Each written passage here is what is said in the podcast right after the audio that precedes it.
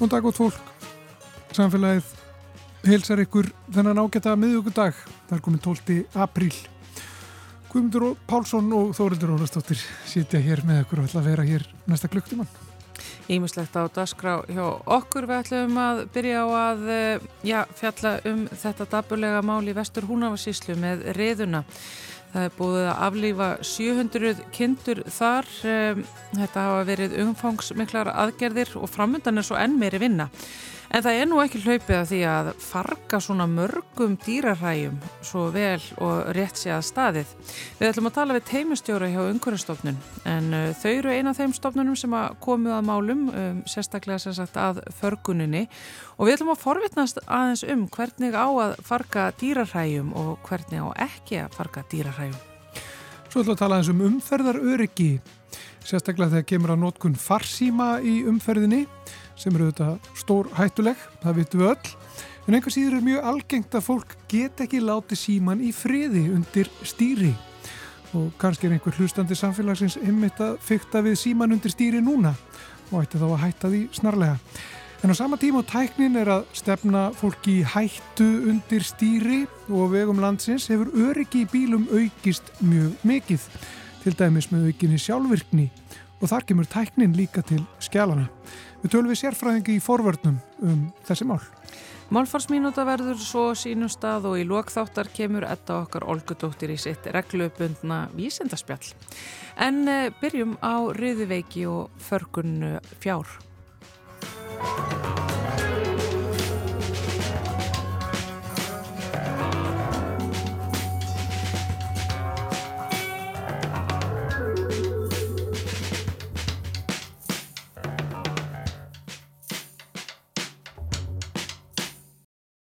Fyrir skemstu var riða staðfest í vestur húnavarsíslu.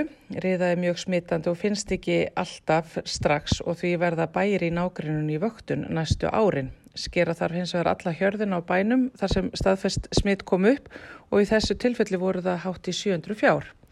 Þeim aðgerðum er lokið.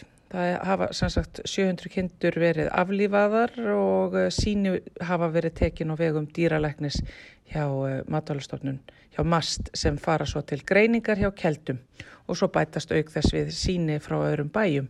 Nó að gera á keldum sem sagt, þetta er umfangs mikil aðgerð og ekki minna umfang er svo á hreinsunastarfunu sem að teku nú við á bænum. En hvað er gert við hátt í 700 kindur sem tengjast reyðu?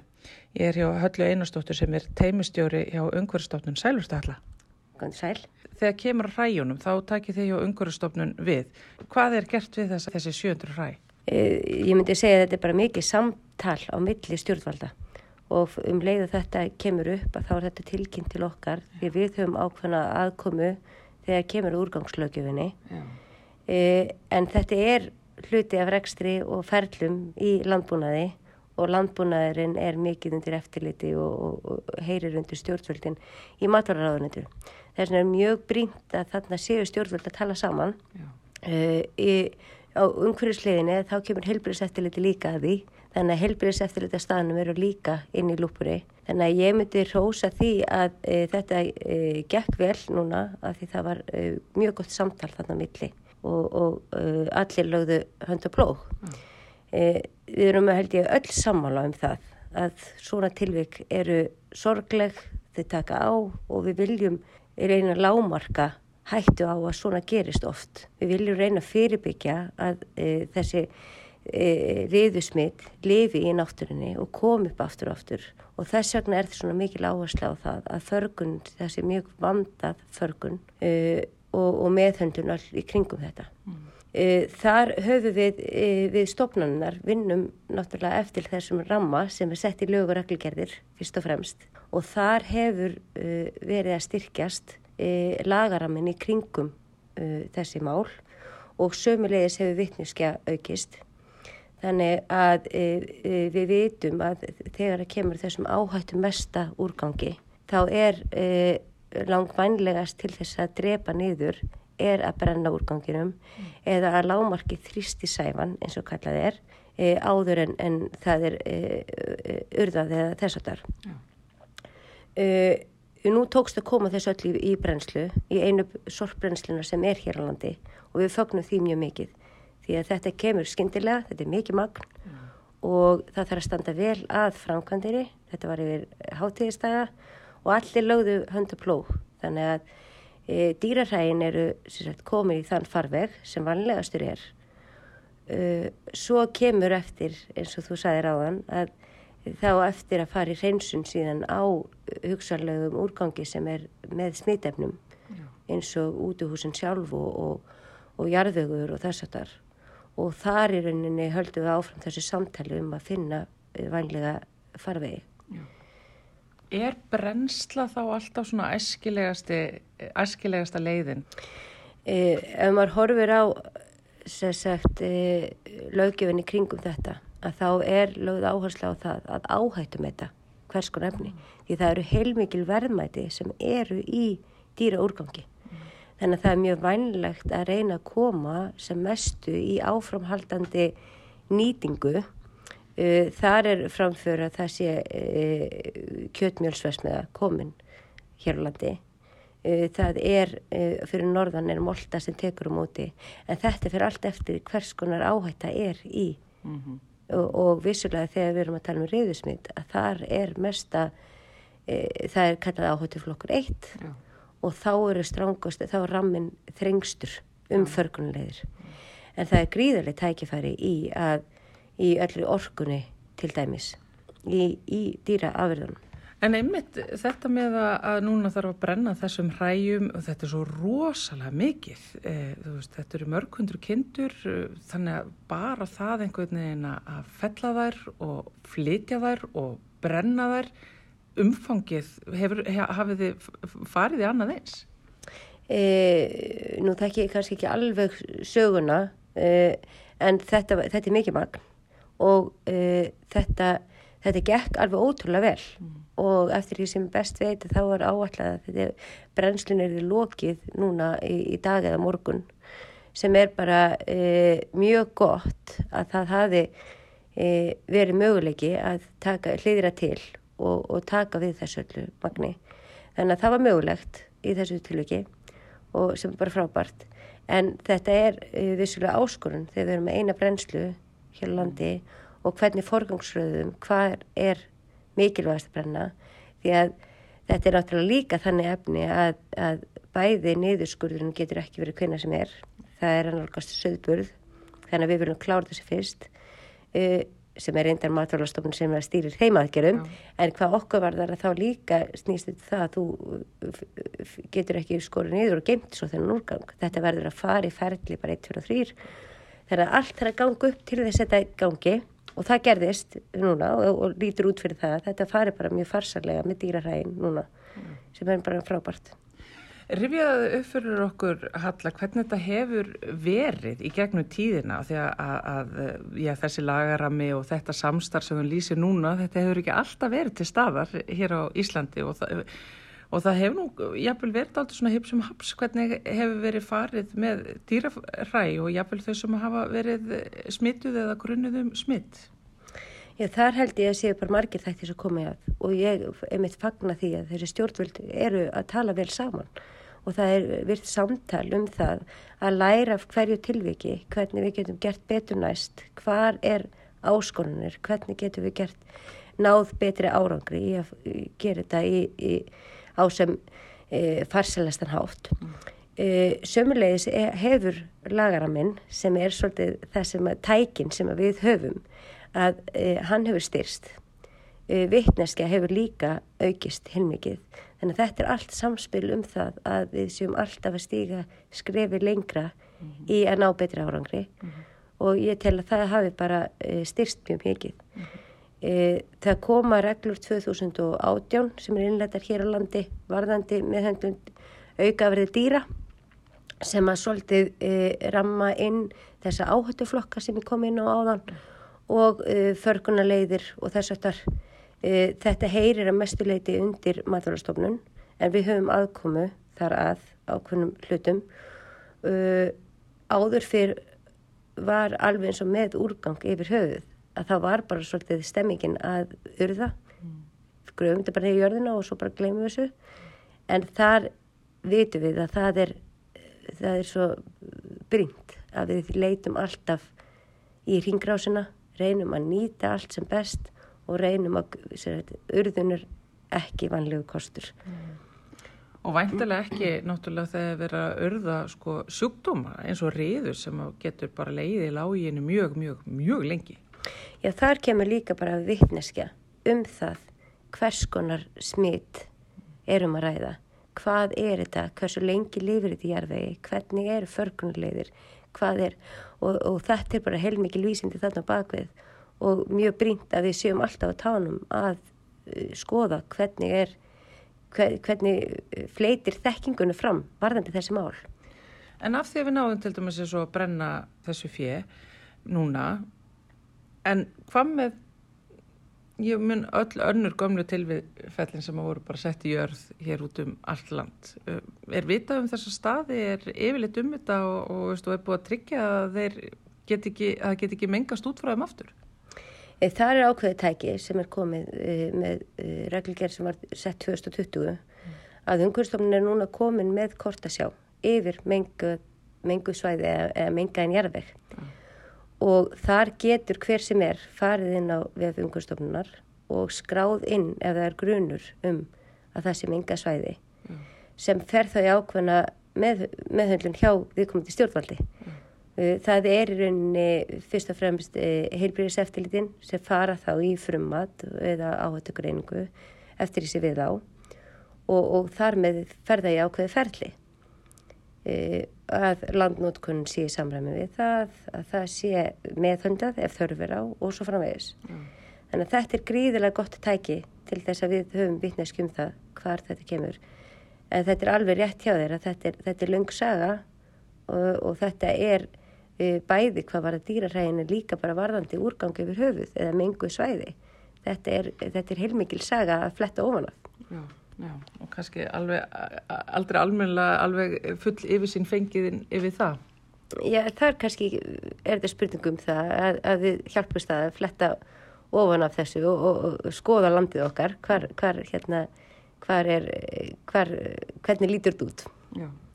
Halla, mér langar að þess að bara velta því almennt upp varðandi sko dýraræi og dýraúrgang. Sláturhúsin eru náttúrulega með þetta í ákunnum farvegi en hvað með svona já, einstakar bændur eða sveitir? Er, er erfitt að koma dýraræjum og afurðum frá sér þannig að svo vel sé? Já, þarna kemur alveg eins og segir að dýraræi eru náttúrulega mjög fjölbreytt í rauninni hvernig þau falla til. Mm -hmm. Við erum að tala um einn og einn greip sem deyr á, á bænum, við erum að tala um þegar slátutíð, við erum að tala um þegar komið upp sjúkdómar, þannig að það er alls konar tilvæg sem koma upp. Eh, þetta kemur inn á bara eh, sagt, flutning úrgangs og söpnununa og þess aftar og þar hafa verið alls konar hugmyndir um það hvernig er vanlegast að ná utanum það. Mm. Uh, og það er vissilega áskorun þegar við erum að tala um dreifðið að byggður út um all land hvernig við getum uh, uh, stutt þetta en svona lagaramin er í rauninni að það er sagt, sveitafölum bera ábyrð á að það séu farfiður fyrir úrgang. Þannig að þannig er það. Úrgangslögjum miðar út frá því að úrgangur er bara hluti af rekstri. Þannig að þar sem úrgangur fellur til að þá sért þú að hugsa máli til enda og taka það inn í reksturinn. Og hvað gerum við svo við það sem fellur til. Þannig að þar er kannski, uh, áskorunum er að það séu farvegir og innviðir til staðar og þar þarf bara, þurfa allir að leggja höndupló en það er, það er ekki beint umhverfstofnun sem er þar nema eftirlið sæli mm. með þá urðunastöðum og brennflustöðunni. Já. Já, maður veltir þessu náttúrulega fyrir sér sko bara út af þessu nýlega dæmi með kýrnar sem að fundist í fjörun undir eigafjöllum mm -hmm. að það hafa verið svona leitt að því líkum að það hafi verið einhverja bara svona stýtta sér leið af því að losa sig við dýraræ þú veist, ég einmitt kannski af því að leiðin að því að gera það eftir lagaramanum eins og þú lýsir því hún er kannski eitthvað torveld Já og þetta er bara uh, með úrgang að, að það er alltaf áskonun það að hann fari rétt að farvegi mm. og við viljum auðvitað að gera það. E, eins og kerfið er núna þá, þá heyrir þetta undir eftirlit heilbyrjastemda svæðinu hverju svæði að, að fylgjast með að úrgangur sé ekki bara settur út í móa e, og e, eins og ég segi, sveitafjöluðin e, þurfa að hafa farvegi fyrir úrgangin. En það eru alls konar hugmyndir uppi og ef maður hóður til Norðalandana þá er, þá er uh, ákveðin fyrirtæki sem sjáum söpnun bara yfir landið. Mm. Þannig að það er allskis útfæslur sem eru mögulegar á þessu mm. hvað er mannlegast. Og ég menna bara svo að það sé sagt að þá er dýraræði náttúrulega vandraða rusl. Þú getur ekki einhvern veginn bara geimt það í póka eins og plastflokkurinn heima hjá þér í, í, í langa tíma. Sko. Þetta er, það bara slæri í þetta, það er lykt, það þarf að losa þetta mjög fljótt. Flutningar geta verið flóknir og erfiðir og það er ekki sama í hvað þú setur þetta. Ég bara, ég veit ekki hvernig ég geti losað mig við dýraræði ef ég þyrti það, sko. Það er alveg rétt hjá þér. Þú geymir þetta ekkit. Þetta er bara eitthvað sem er, er, er hérna rótna mjög hratt en, en þar held ég sér úrslag mikilvægt að, að hérna, þó maður sjá það kannski ekki endilega bara í dag en, en það er í rauninni þessi, þessi nýtinga mögulegar getur við í rauninni þessi orka sem er í þessu getur við einhvern veginn náð utanum það að e, þetta sé e, komið í farvegi? Já. því þetta eru gríðileg verðmæti í þessu líka.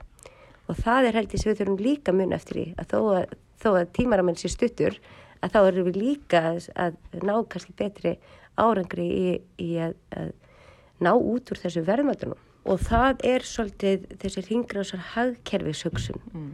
Að við séum að, að horfa á þetta sem setjum inn í hagkerfið okkar. Mm. að við séum alltaf að reyna að búa til ringrás því að það er aldrei vanlegt að við séum að hendi ykkur frá okkur í bara og reyna að láta hverfa. Hlutir hverfa ekki. Við viljum koma sér ringrás þannig að það kom eitthvað nýtt og, og sett klárum ringin.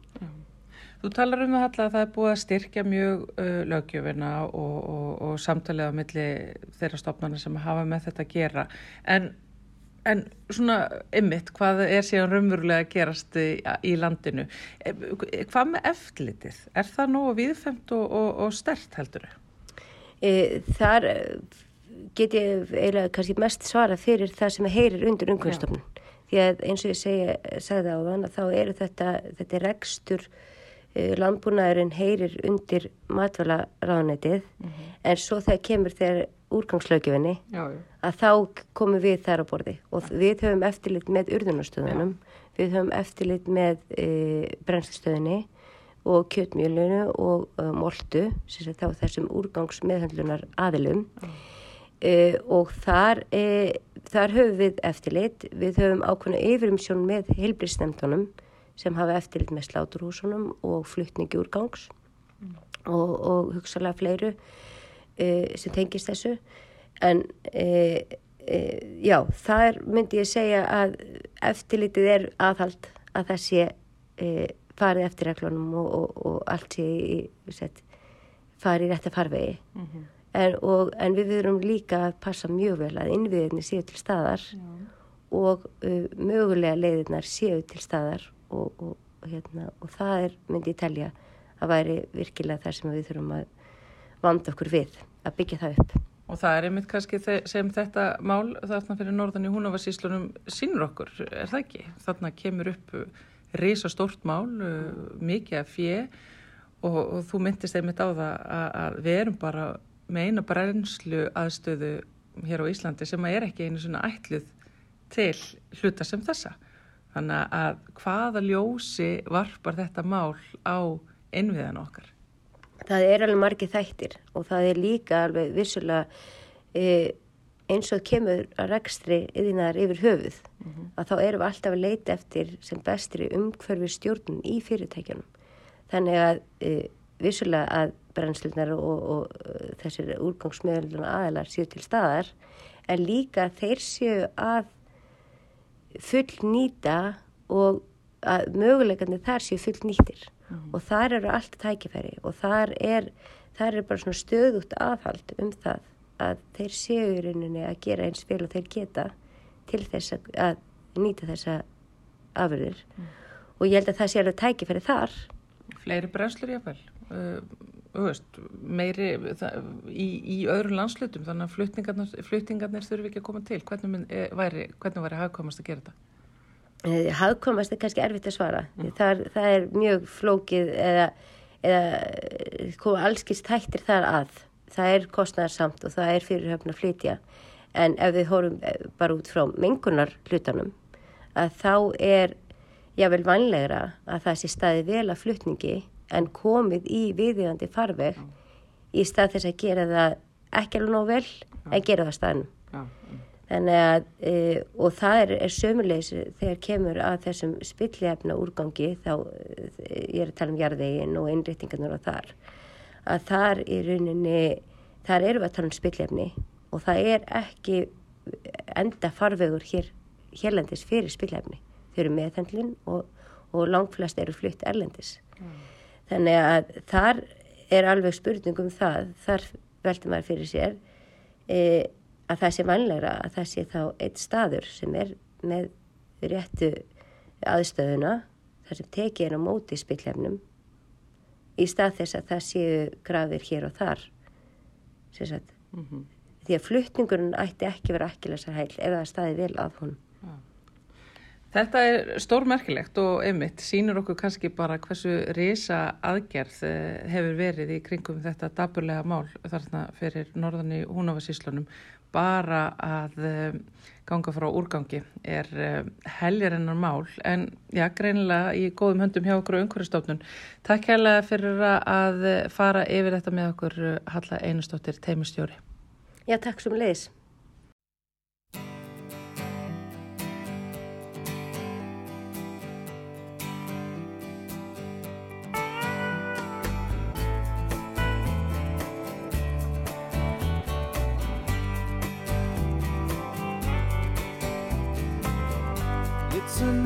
Tequila sunrise, staring slowly across the sky.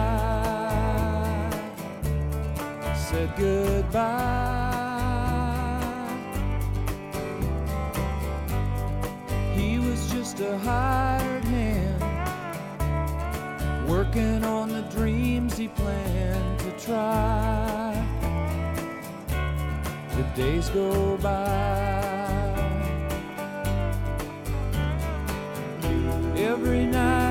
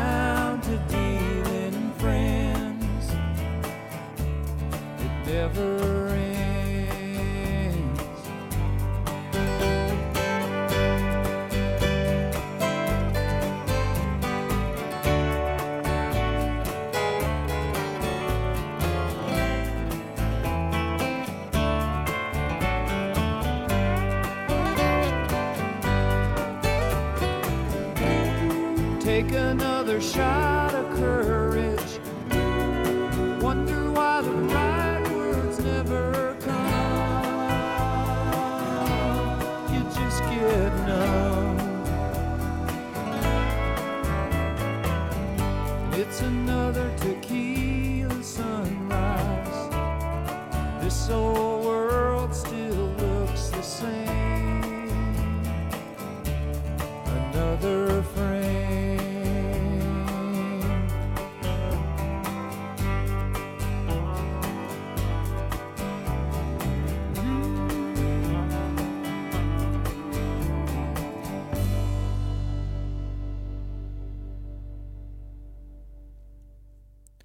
Tequila Sunrise Gúls.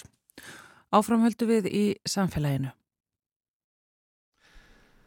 Það tekur eftir því í umferðinni að mjög margir ökumenn eru í símanum og ekki þá að tala í síman, heldur að horfa á eitthvað, bræðast við einhverju, skrifa skilabóð, finna lag á Spotify og ég vil taka myndir á ferð og þetta er ekki bara á rauðu ljósi eða þegar umferðin er stopp, heldur líka í kannski miðri ártúrsbrekkunni eða hringtorki og svo framvegs og þetta er auðvitað stór hættulegt og það vita það allir. En enga síður er þetta mjög áberandi og á sama tíma og tæknin er að skapa þarna stór hættu er tæknin líka að auka umferðaröryggi. Öryggisbúnaður í bílum hefur batnað mikið og allskyns sjálfvirkni, viðvaranir og, og slíkt að verða staðalbúnaður jafnvel í bílum. Ætlum að ræða þetta aðeins næstu mínutundur við Sigrúnu að Þorsteinsdóttur, hún er sérfræðigur í forvörnum hjá Vís, verður velkomin til okkar. Já, takk fyrir það. Eh, við byrjum bara á símónum. Eh, þetta er mjög áberandi. Já, þetta er mjög áberandi og uh, finnst svona meira kannski að þetta sé bara að aukast heldur en hitt. Símin er svolítið svona stór partur af líf okkar og við erum öll með síman í höndunum meira og minna allan daginn og þegar við förum út í bíla þá eru við ekki nógu duglega að sleppa því að láta hann hafa áhrif á okkur.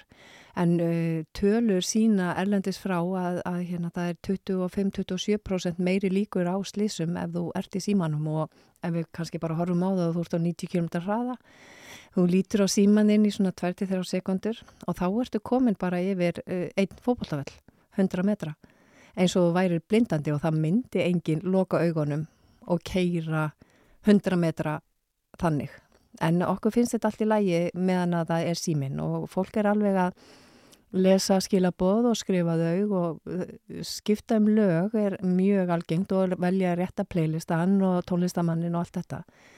Og þetta er alveg að hafa áhrif og, og þættir bara eins og aftan á kesslur að þið, þú ert upptekinn í símanum og bara allt í einu bílinn fyrir fram að þig komin of nála til að þú getur stoppa. Þannig að þetta skiptir alveg útrúlega miklu máli að hvert og eitt okkar reynum svona að sleppa þessu að með að við erum að keira og svona kannski pínu spurjum okkur, ok, skiptir máli að ég kíki á síman eftir 5 mínútur eða 20 mínútur hvernig sem að maður er að fara að stoppa að því að gegnum gangandi er þetta ekki svo mikilagt að það megi ekki býða í stuttastund. Mm. En við vitum öll að þetta er stór hættulegt. Já, og það er líka svo magna þegar maður skoða allir með samgöngustofa hefur gert uh, hérna, kannanir uh, sem er bara fólk er spurt, finnst þér í lægi að skoða síman og rauðljósi og það er svona, já, 20% finnst það allt í lægi en svo er bara, úst, finnst fólki almennt alls ekki lægi að skrifa SMS eða eða skoða síman þegar það er á ferðinni. Og það er bara svona úst, 1-2-3% sem segja það sé eitthvað í lægi en við vitum öll að það eru samt miklu miklu fleiri sem að eru að gera þetta allt þó svo að þeir finnist ekki lægi að aðrir í umferðinni gera það. Þannig að hérna, það er eitthvað svona þetta þetta er of mikið að stýra okkur þó svo við vitum betur, við vitum alveg það að taka aðteglina yfir á síman hefur áhrif á öryggi okkar í umferðinni. Og ég held líka bara svona svolítið ef að hver og einn myndi líta svolítið á það bara hvernig myndi mig líða með það ef að þú slasar eitthvað alvarlega í umferðinni af því að þú varst bara að tekka á símanðinum eða varst annars hugar út af símanum að ég held að það sé ekki einhvað svona sem að okkur uh, líður eitthvað vel með fyrir úst utan það að slasa sjálfa okkur en ég einhvern veginn líti alltaf svolítið á það að mér myndi líða verð með að slasa einhvern annan en sjálfa mig sko. Já. Við vitum það sko fyrir bara ekkert lungu síðan þá var uh, harpan að tala í síman já. á ferð. Svo eru komin svona uh, alls konar þráleysar fítur síðan. Já já og fólk er að tala í síman og, og það er ekki bannað Nei, þú mátt tala í síma svo fremir sem þú ert með þráleys og búnað. Og já. í öllum nýri bílum er þráleys búnaður. Maður raun og verið sér orðið uh, miklu minna því að einhverju sem er eitthvað í eiranum sem er svona múnaður sem þú kaupir út í búð. Þetta er bara komið í bílinn og uh, þar enn og aftur sína rannsóknir að það er ótrúlega lítill munur á umferðaröryggi hvort að þú ert að tala í síman með því að halda á símanu við eirað eða bara þú ert að tala í síman með handfæðs og búnaði Mm -hmm. Og þarna, eh, það eru rosa mörgum sem finnst þetta skrítið af því að þú bara spjallar við þá sem er í bílnum með þér en þarna er aðtiklin, hún, hún fer annað þegar að, eh, eða hún er á annan hátt, kannski frekar hægt að segja, þegar e, viðkomandi er ekki á staðnum sem þú ert að tala við, þá einhvern veginn og það öruglega geta margir samsinn því að þeir hafa verið að tala við einhvern veginn símanum í bílnum að keira og svo allt inn eru komni fram hjá það sem þeir ætlið að beigja. Mm. Að það einhvern veginn þetta tekur aðteglina meira frá heldur en ef þú væri bara að spjalla við eitthvað sem situr við hliðinaður og hann er náttúrulega líka svolítið þá í umhverfinu sem að, að þú ert í og, og getur þá líka meira að vara við og annað þvílitt ef að það er eitthvað sem er með þeir í bílnum ef þú ert komin og nálat næsta bíl fyrir framann eða eitthvað. Já. En þú mátt ekki halda á símanum og hann? Nei, það er bannað. Það er bannað. Og það er þetta að fylgjast með því það, ef þú keirir fram hjá lauruglubíl og lauruglan sér að þú ert að tala í síman þá, þá er bröðust við. Þá er bröðust við og líka ef þú ert að skrifa í síman eða eitthvað svo leiðis, ef þú ert að handfjallan Já, að þá, get, þá er þetta bregðast við. En Já. þegar þú ert bara að tala í síman með handfrjóðsubúnaði mm. að þá er það ekki, það er löglegt. Og, og í raun og veru svolítið finnst manni í nýri bílum af því að það er alltaf verið að bæta öryggi bílana og minga líkur á að fólk slasist inn í bílnum annað því líkt.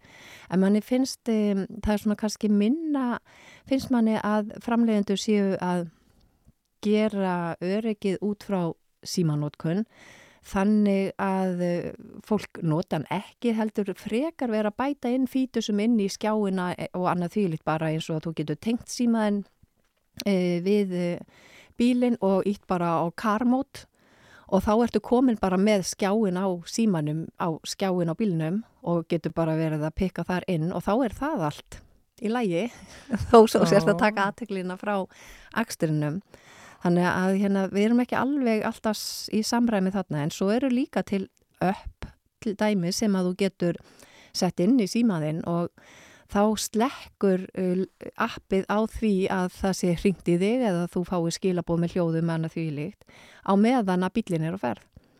Þannig að fólk getur valið að taka svoleiðis eh, þætti inn ef að það vil hérna, á erfitt með að sleppa því að sinna símanum ef það heyrir í honum. Já. En eitt er að sleppa því að sinnunum uh, fólk heyrir í honum eða það kemur tilkynning og svo er annað bara einhvern veginn að, að leiðast svo mikið í umferðinni að, að það þurfi einhvern veginn að vera að, að tjekka á einhverju samfélagsmiðlum eða lesa fréttir eða hvað. Algjörlega, bara tjekka hvað er nýjast inn á rú.is eða eitthvað.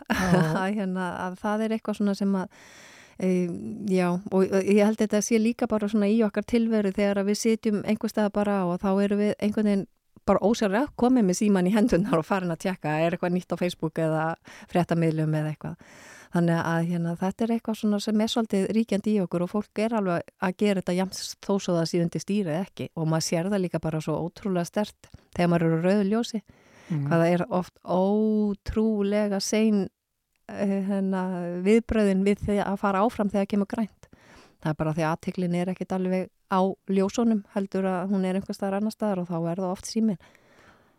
Er þetta algengt núna bara þegar að koma upp mál, tryggingamál eða verða óhöpp í umferðinni slís og svo frávís er þetta algengt núna að það sé hort til þessa og er þetta Ný, skoðað alveg sérstaklega þegar óhaf verða? Í alvarlegum slísum er þetta uh, stundum skoðað. Ég, ég get alls ekki sagt að það sé algengt að það sé skoðað og þetta er ekki það fyrsta sem fólk segir þegar það lemdir í einhverju. En þetta er alveg það sem er verið að leita eftir og við erum alveg með mál þar sem að viðkomandi fekk uh, skertabætur um tvo þriðju vegna þess að viðkomandi var í símanum og, og hann sagði bara, úst, hann, það komi ljós að hann var í símanum og það var bara sannað.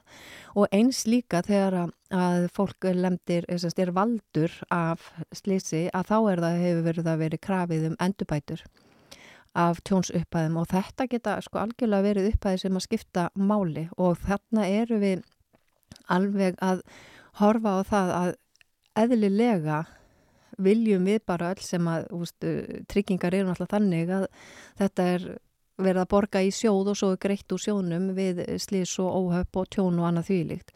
Og við viljum auðvitað að það sé allt réttmætt sem að er verið að greiða út og, og ef að e, ástæður slísa og annað þvílíkt eru bara það að þú varst í símanum að þá finnst manni alveg réttlátt að það sé e, tekið tillit til þess og það sé verið að skerða bætur og líka bara af því að ég held svolítið að eins og við sjáum að sektir þær hafa áhrif. Ef að lauruglun er á svæðinu að þá hefur það áhrif úr fólk ekkur hægar og það passa sér betur og annað þvílikt og þetta er líka svona eitt partur af því ef þú áttu vonaði að geta uh, fengið skerta bætur eða þurft að endugreiða tjón sem á veldur öðrum að þá hefur það alveg uh, í einhverju tilfellum áhrif á einstaklinga til þess að þeir gera þetta síðan. Mm -hmm. Og svo eru kvartar. Það eru, þið til dæmis eru með, hjá, hjá Vís eru með ákveðin, ákveðina kvata til þess að fólk séu minna í símanum, ekki satt? Jú, jú, algjörlega. Ökuvísi, Tækni kemur þar til? Já, ökuvísir er trygging sem við erum með og, og ég nota þessa tryggingu og mér, mér finnst þetta svo mikið snild og ég skil ekki okkur, það er ekki ennþá, ennþá fleiri meðana vegna þess að þarna er í raun og veru, er þú að borga yðgjaldið eftir því hvernig þú ekur. Þannig að þú getur valið að, að hérna aga varlega, þú veist að vera ekki alltaf á bremsunni og hæja á þér og, og vera ekki símanum, Sin, vera e, innan svona þessa ramma í kringum hámasrað og annað því líkt. Og þar er símin inni, þannig að ef að þú ert að nota síman, ústu, þú mátt til dæmis áðurlega stað, þá máttu velja þig playlista og hann spilar svo bara. En ef þú ferði síman og ítir á skjáin, að þá færðu, raun og veru kannski maður getur sagt, þá færðu mínusiklatan, þá mm. lækkar engunnið þín. Þannig að þarna er kvati til þess að sleppa því að vera með síman. Ah. Og símin er svona það sem að telur mjög, eh, eh, það er svona verið að horfa á mismunandi þætti og símin telur mjög e, mikið í því að, hérna, til lækunar mm. á engunni. En svo eru ímis svona ímis mál sem að koma upp sko í sambandið þetta sem að kannski tengjast persónuvend og, og þess að þar eh, sem við kannski látum líka mellir hluta. Að það er kannski önnur umræða en, en um, þetta er ekki alveg óumdilt. Nei þetta, ekki, nei, nei, þetta er ekki óumdilt en eina sem við sem tryggingafélag fáum er engunin sem að viðkomandi e, fær og hann greiðir yðgjöld eftir enguninni. Mm -hmm. Við fáum aldrei að vita neitt um ferðir og getum ekki séð það og við erum ekki að fara að nota aukuvísi e, e, þegar verða slísið hann að því líkt. Mm -hmm. og í raun og veru er sá búnaður í flestum nýri bílum að, að þá er sá búnaður til staðar að það er hægt að fletta upp ef að það verður slís en, en það er lítið um að sé aðgengi að því en, og, og eins líka bara eins og við sjáum með uh, Tesla og annað því það sem er mjög, mjög mikil tekni til staðar að þar er þetta hlutur sem að, að hægt er að nota Mm. en út frá aukuvísi að þá er þetta eitthvað sem við getum ekki og, og komum ekki til með að nota. Já. Við fáum bara þessa engun.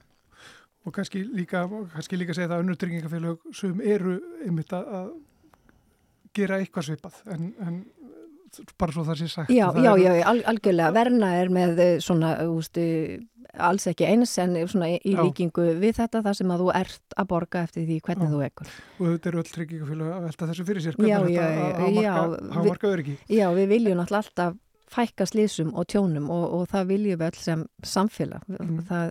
Umferðarslís kosta okkur alveg ótrúlega mikið og, og það er svo vannlíðan og, og afleðingar sem að einstaklingar og fjölskyldur þeirra geta verið með út frá umferðarslísum eru alveg ótrúlega sorglegar ofta á tíðum sko.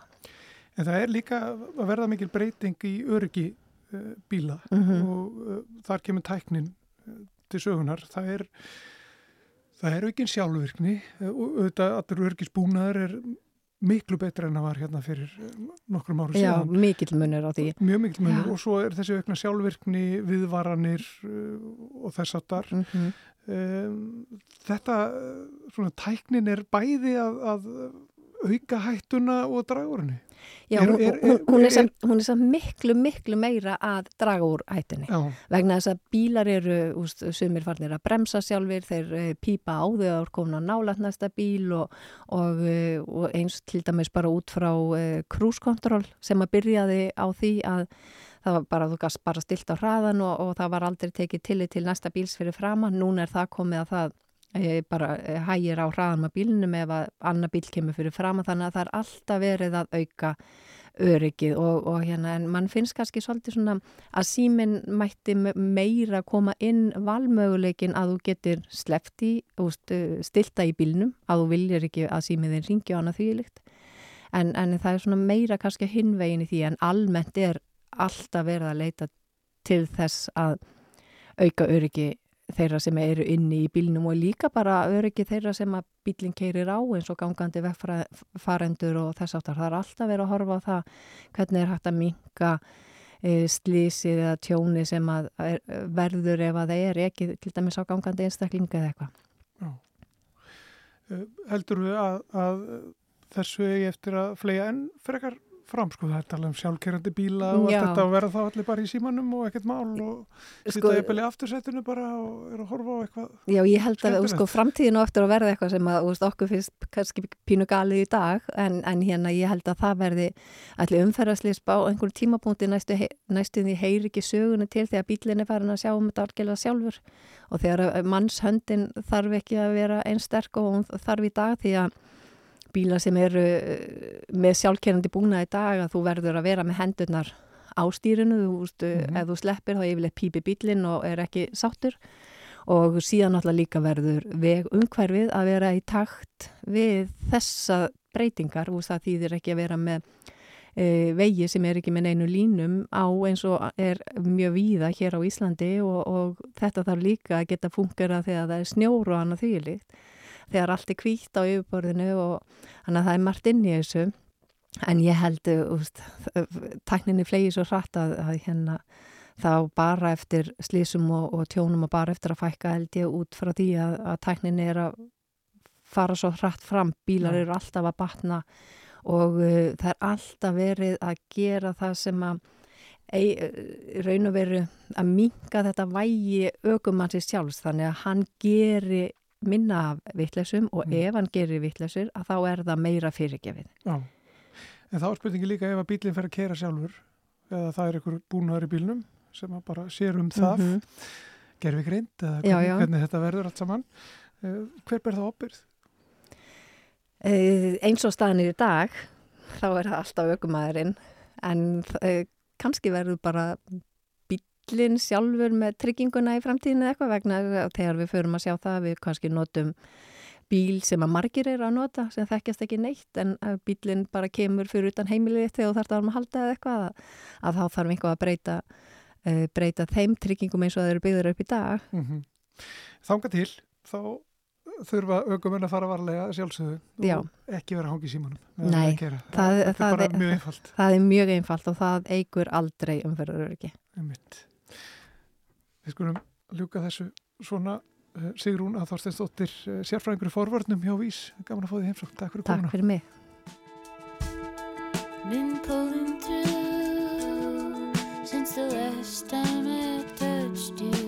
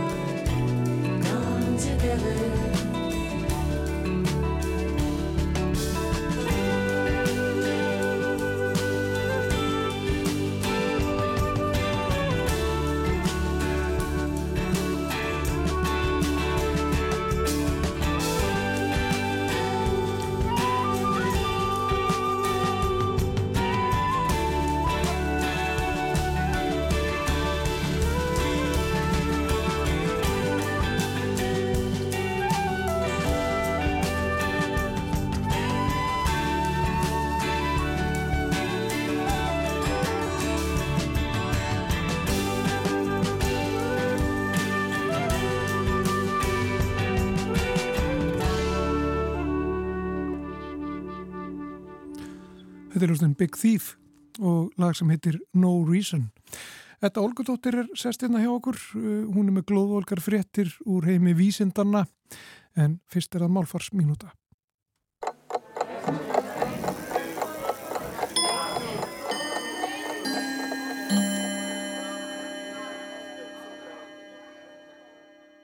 Eitt af þeim húsgögnum sem tóku að berast frá Danmörku til Íslands um og upp úr aldamótunum 1900 kallaðist á dönsku Sjeselong. Nafnið upprunnið í frönsku, Sjeselong, tvö orð sem runnu saman í eitt og fengur danskan framburð. Þetta er legubekkur með uppreistu eða hallandi baki.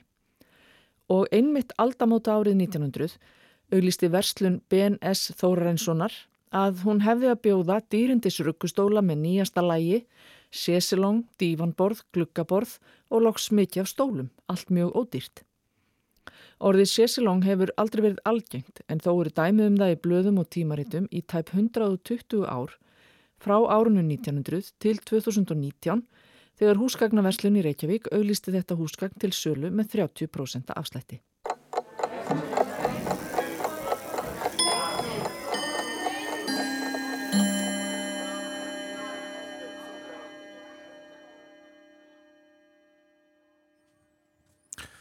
Þá er komið að vísinda spjalli og það er hún þetta Olgudóttir sem er sest hjá okkur eins og alltaf á miðugudöfum með glóðvolgar fréttir nýja rannsóknir. Hva, hvað ætlum við að tala um í dag? Herðu, við ætlum að tala um hérna, sko nú veit ég ekki hvaða orði á nota yfir þetta vegna þess að í ennskri tungu hafa verið svona, veist, það hafa verið að skipta um nafn yfir þetta en þetta er sem sagt kjöt sem er, ranns, sem er hérna rektað á rannsóknastofu og hérna á ennsku hefur verið að fara úr sko lab-grown meat yfir í orði sem er notað núna sem er cultivated meat sem að má eiginlega þýða bara sem rektað kjöt uh, og við gætum alveg nota það en það er náttúrulega pínu, við erum líka að rekta okkur kjöt með því að rekta dýr. Þannig að í þessu tilfelli að þá erum við bara rekta kjötið á rannsóknastofu út frá, þá erum við bara með vöðvafrumur sem eru rektaðar upp og þannig verður kjötið til og það er þá borðað. Og þá þarf ekki að drepa neitt dýr til þess að borða þetta kjöt. Mm. og þetta er svona tækni sem hefur verið að þróast í svolítið langan tíma og enn sem komið er þá hefur okkur ekki tekist að rekta neitt sérstaklega svona góða steik. Heldur eru við að tala um meira bara hakk eða hérna kjúklinganagga eða eitthvað svoleiðis. Eitthvað svona þannig að þú þarft ekki að vera með sko, þú færð ekki þessa kjöt áferð það er Nei. það sem kannski vantar Það var mitt fyrir nokkrum árum þá var verið að smakka hambúrgara, Mhm. fyrsta hambúrgaran, það er nokkur ár síðan.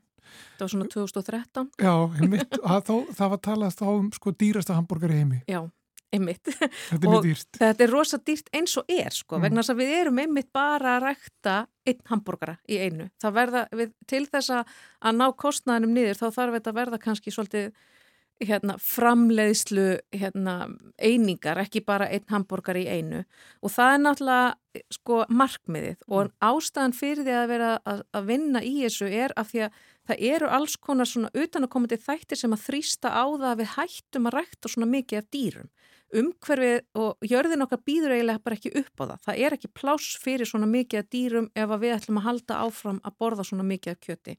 Og svo má náttúrulega líka bara deilum það hvort við þurfum að borða svona mikið af kjöti.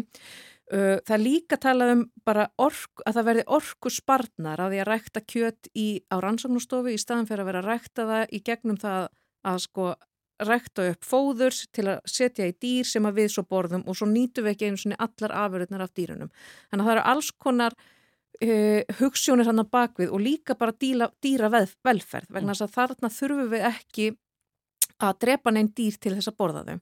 Hins vegar þurfum við náttúrulega alltaf að fá uh, vöðva frumurnar og fytu frumurnar og þessar frumur sem við ætlum að nota til þess að búa kjöti til úr einhver starf frá og það er þá væntanlega úr einhverjum dýrum. Þannig að við erum ekki alveg búin að sleppa hendinni af dýrunum. Þannig að þetta, ekki, hérna, þetta fellur ekki til dæmis undir hugmyndafræði veganisma ef, út frá ströngustu hérna, skilgreiningum á því.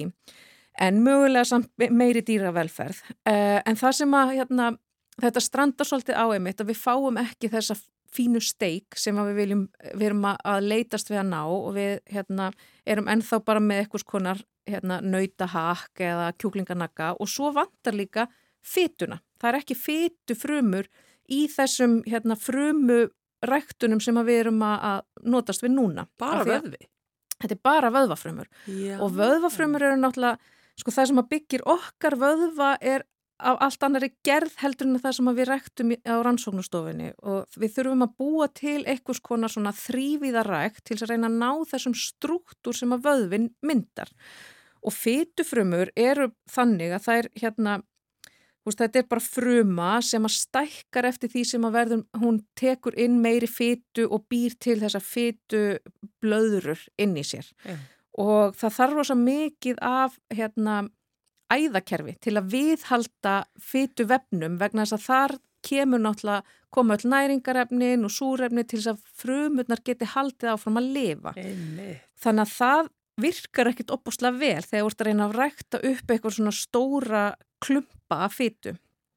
Uh, og það virkar heldur ekki að vera að rækta þetta bara í tvívíðu formi. Það er að segja bara á skál þannig að það mynda bara svona slikju vegna þess að þá erum við heldur ekki komin með struktúrun sem við viljum fá til þess að fá uh, áferðina og bragðið sem á að koma af kjötinu. Og fytusprengt nautakjöt sem sagt, eins og þarna vakú nautakjöti Já. sem er bara, ja, þú veist, röndótt af fytu og, og kjöti til skiptis og er dýrast á fínasta kjött í heimi. Einmitt, já, og, og sko kjöt sem er með mjög háa fytuprósentu, það segja, skorar hæst í að vera bragð best. Já. Þannig að fytan er ekki bara búið til áferðina, hún er líka að gefa bragð.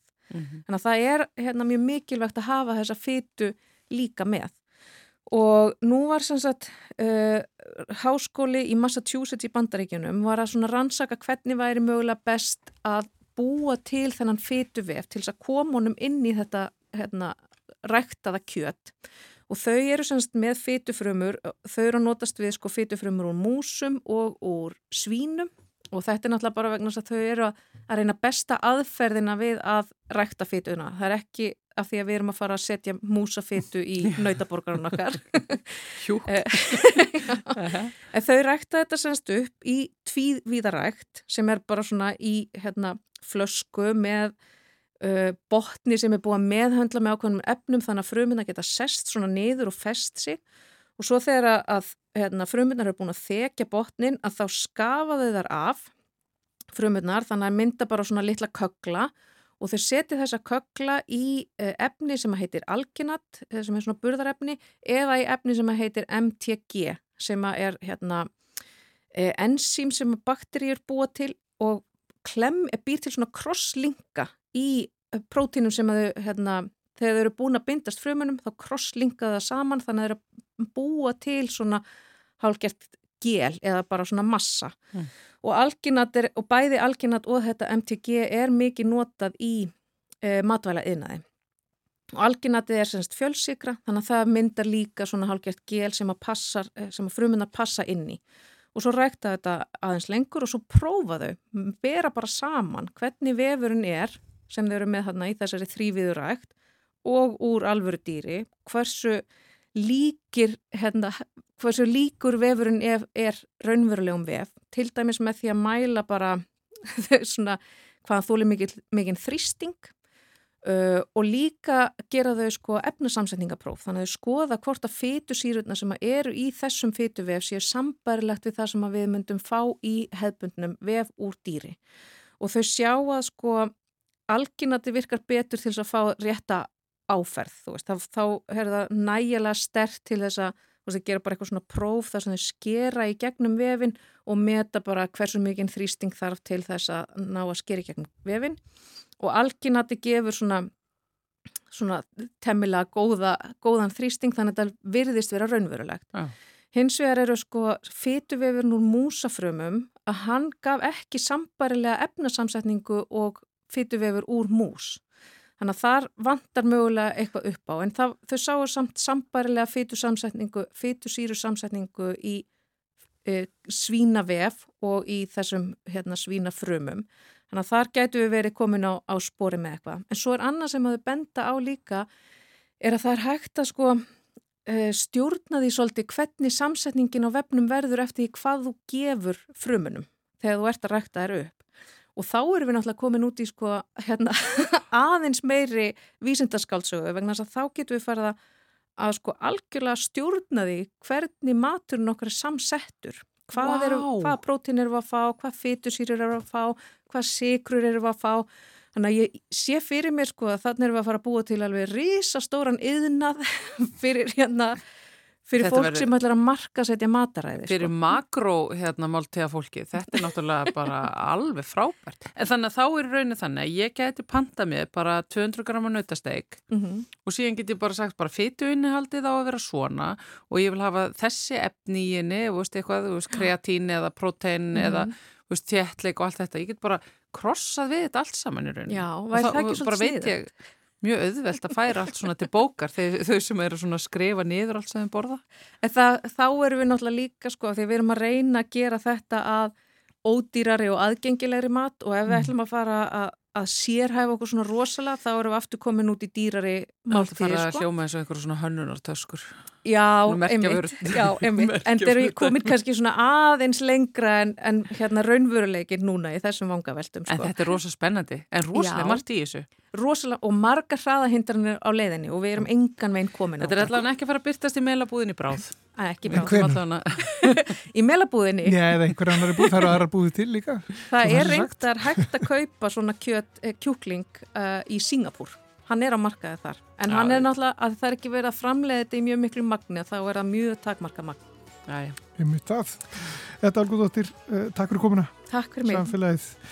Og með þessu ljúku við uh, þætti dagsins, komist ekki lengra. já, en við komum... Þó við glöðu vildum. Já, við þó við glöðu vildum, en við komum samt aftur að á morgun klukkan eitt. Þá verður næsti þáttur með Þórildi Ólistóttur og Guðmundi Pólsinni. Þanga til!